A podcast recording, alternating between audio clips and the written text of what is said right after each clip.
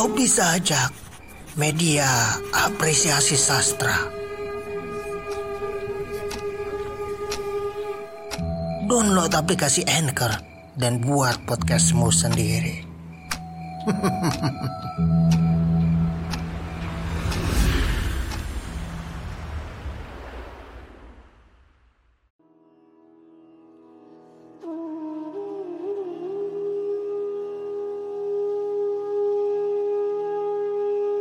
Pedagang Senja Cerpen karya Sungging Praga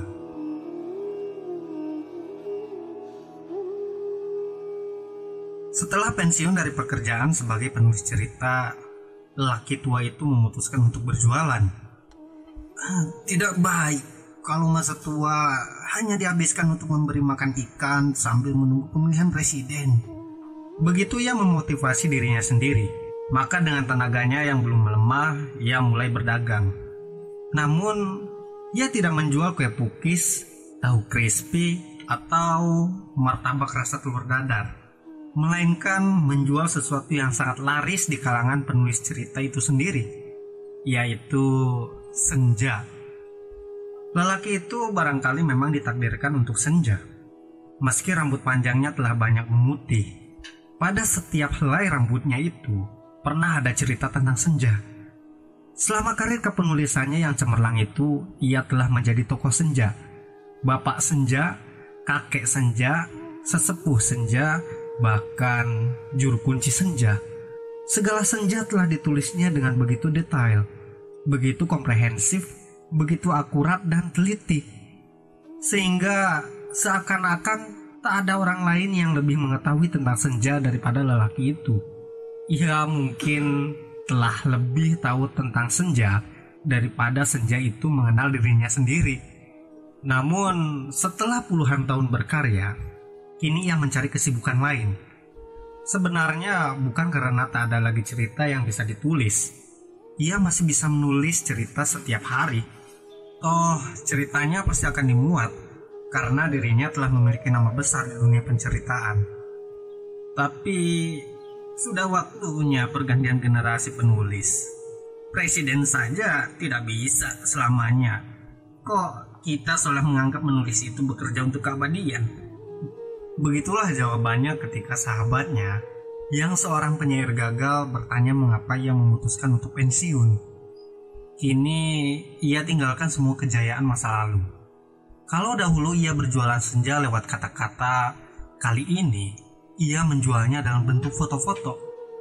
Oh, tentu bukan maksudnya ia akan menggunting senja dan memasukkannya ke amplop lalu dikirim ke ujung dunia. Tidak, ia cuma perlu datang memotret senja di tempat-tempat yang romantis dan dramatis. Kemudian mencetaknya dan menjualnya kepada siapa pun yang masih peduli dengan keindahan proses terbenamnya matahari. Kebetulan sekali lelaki itu memiliki sebuah kamera digital yang didapatkannya di sebuah pasar yang dikenal menanda barang curian. Ia diam-diam mengambil kamera tersebut ketika pedagangnya lengah. Kejadian itu konon sempat membuat gaduh, sehingga keesokan harinya di pasar itu pun dipajang sebuah tulisan, ini sudah barang curian. Mohon jangan dicuri lagi. Terima kasih. Dengan kamera digital itulah ia memulai rutinitas baru. Berangkat untuk memotret senja di atap gedung-gedung Jakarta. Terkadang ke tepi pantai, sungai, taman, dan beberapa tempat yang biasa dipakai untuk melihat hilal. Malam harinya, ia pulang dan mencetak foto-foto tersebut. Kemudian, esoknya ia jual di dalam KRL komuter lain. Jika Anda naik komuter lain jurusan Rangkas Bitung Tanah Abang, mungkin Anda akan bertemu dengannya. Seorang lelaki tua pedagang senja. Biasanya, ia ada di gerbong nomor 2 atau nomor 9, selalu di dekat gerbong wanita. Hmm, begitulah. Sejak dulu, saya selalu dekat dengan wanita, tapi tidak pernah memiliki mereka. Di dalam kereta, lelaki itu menawarkan foto-foto senja pada setiap penumpang di sekelilingnya. Mau foto senja, Mbak? Ini senja di Rawan Batu. Senja di Cisanade. senja di alam sutra dan senja di Cidurian. Biasanya para penumpang memandangnya dengan heran. Hari ini, siapa yang masih peduli dengan senja? Bahkan tak seorang pun menyadari bahwa setiap kali lelaki itu selesai memotret senja di suatu tempat, maka esoknya tak ada lagi senja di tempat tersebut. Berganti gulungan mendung atau matahari yang terbenam dalam keadaan redup. Senja-senja itu seperti terperangkap dalam layar kamera digital, lalu tercetak di atas kertas foto. Semakin banyak tempat yang disinggahi lelaki itu, maka semakin banyaklah senja yang menghilang. Namun hari ini, ketika rutinitas sudah terlalu padat, sangat jarang ada orang yang tertarik dengan aktivitas terbenamnya matahari. Apalagi di dalam gerbong kereta saat kebanyakan penumpang telah bersujud ke layar ponsel, membuka media sosial, atau membaca portal-portal berita untuk memuaskan keinginan mereka menjadi pengamat politik yang terus mengkritik pemerintah. Lelaki itu sepertinya mulai kecewa, sebab sudah sebulan berlalu, sudah puluhan tempat didatangi untuk memotret senja, tapi belum ada satupun foto senjanya yang terbeli. Hanya sesekali ada penumpang yang mau membuka pembicaraan. Senja? Tanya seorang penumpang wanita suatu kali. Iya mbak, foto senja. Bagus untuk dipajang di kamar atau hadiah untuk kekasih. Tapi saya belum punya kekasih. Hmm, ya siapa tahu untuk laki-laki yang Anda harapkan menjadi kekasih Wanita itu tersenyum, kemudian mengeluarkan sebuah buku. Saya suka senja, tapi dalam bentuk kata-kata. Seperti buku ini. Lelaki itu melihat sampul buku. Ia kenal betul judulnya. Karena buku itu adalah hasil karangannya ketika masih aktif sebagai penulis cerita.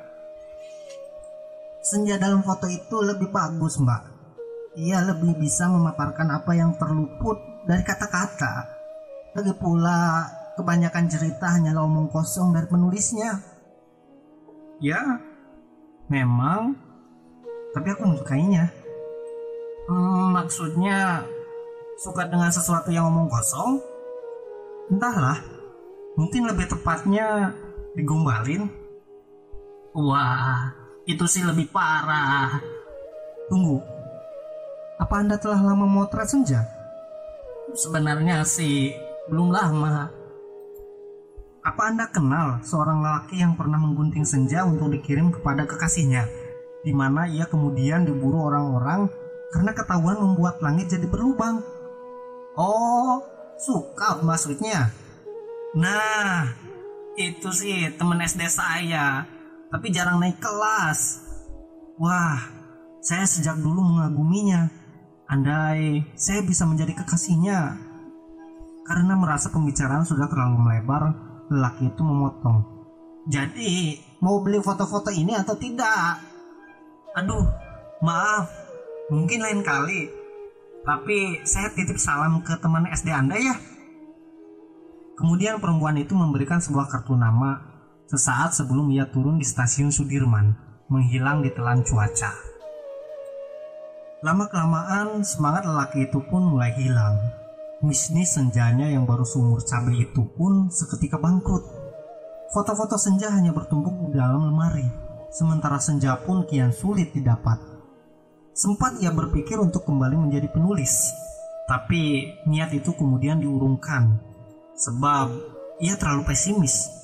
Apakah cerita tentang senja masih laku di pasaran? Hari ini, orang-orang lebih suka membahas politik. Begitupun para penulis cerita mereka lebih sibuk berperang ideologi. Tak ada lagi cerita tentang romantisme sepasang kekasih duduk memandang matahari terbenam. Sebelum esok, mereka pun saling melupakan.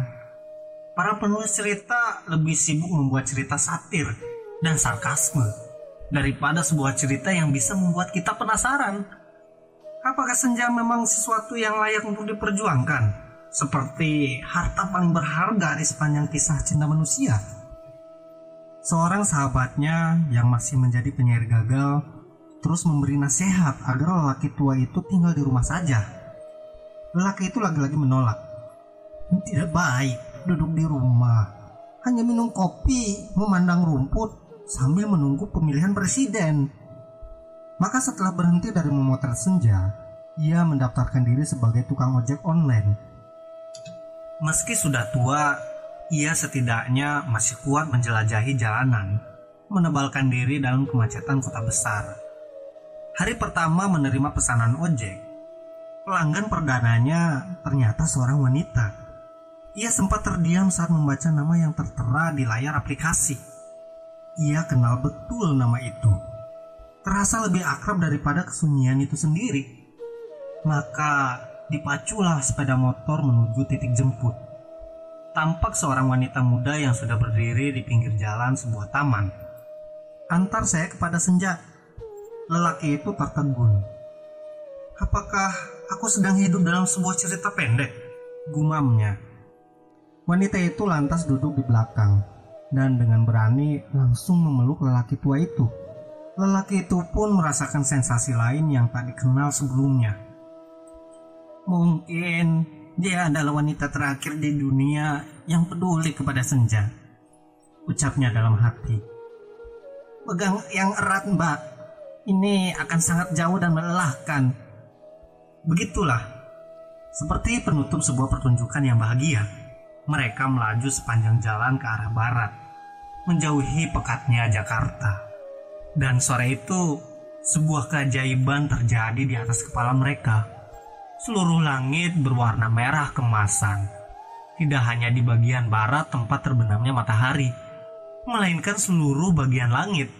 Seakan sisa-sisa senja telah berkumpul, bersepakat mewarnai langit untuk terakhir kalinya. Sehingga sore itu, tampaklah senja terbesar, terluas, dan termegah yang pernah ada, yang tak pernah sempat dituliskan oleh manusia. Tapi hanya mereka berdua yang bisa melihat fenomena itu. Ya, hanya mereka berdua.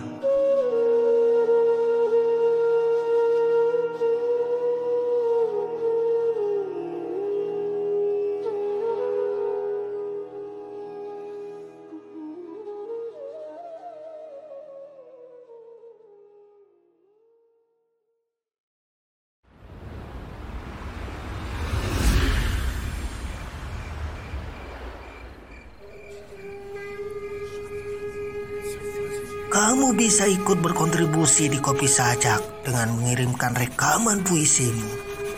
Atau kamu bisa membuat podcastmu sendiri dengan mendownload aplikasi Anchor. Rekam puisimu dan buat karyamu sendiri.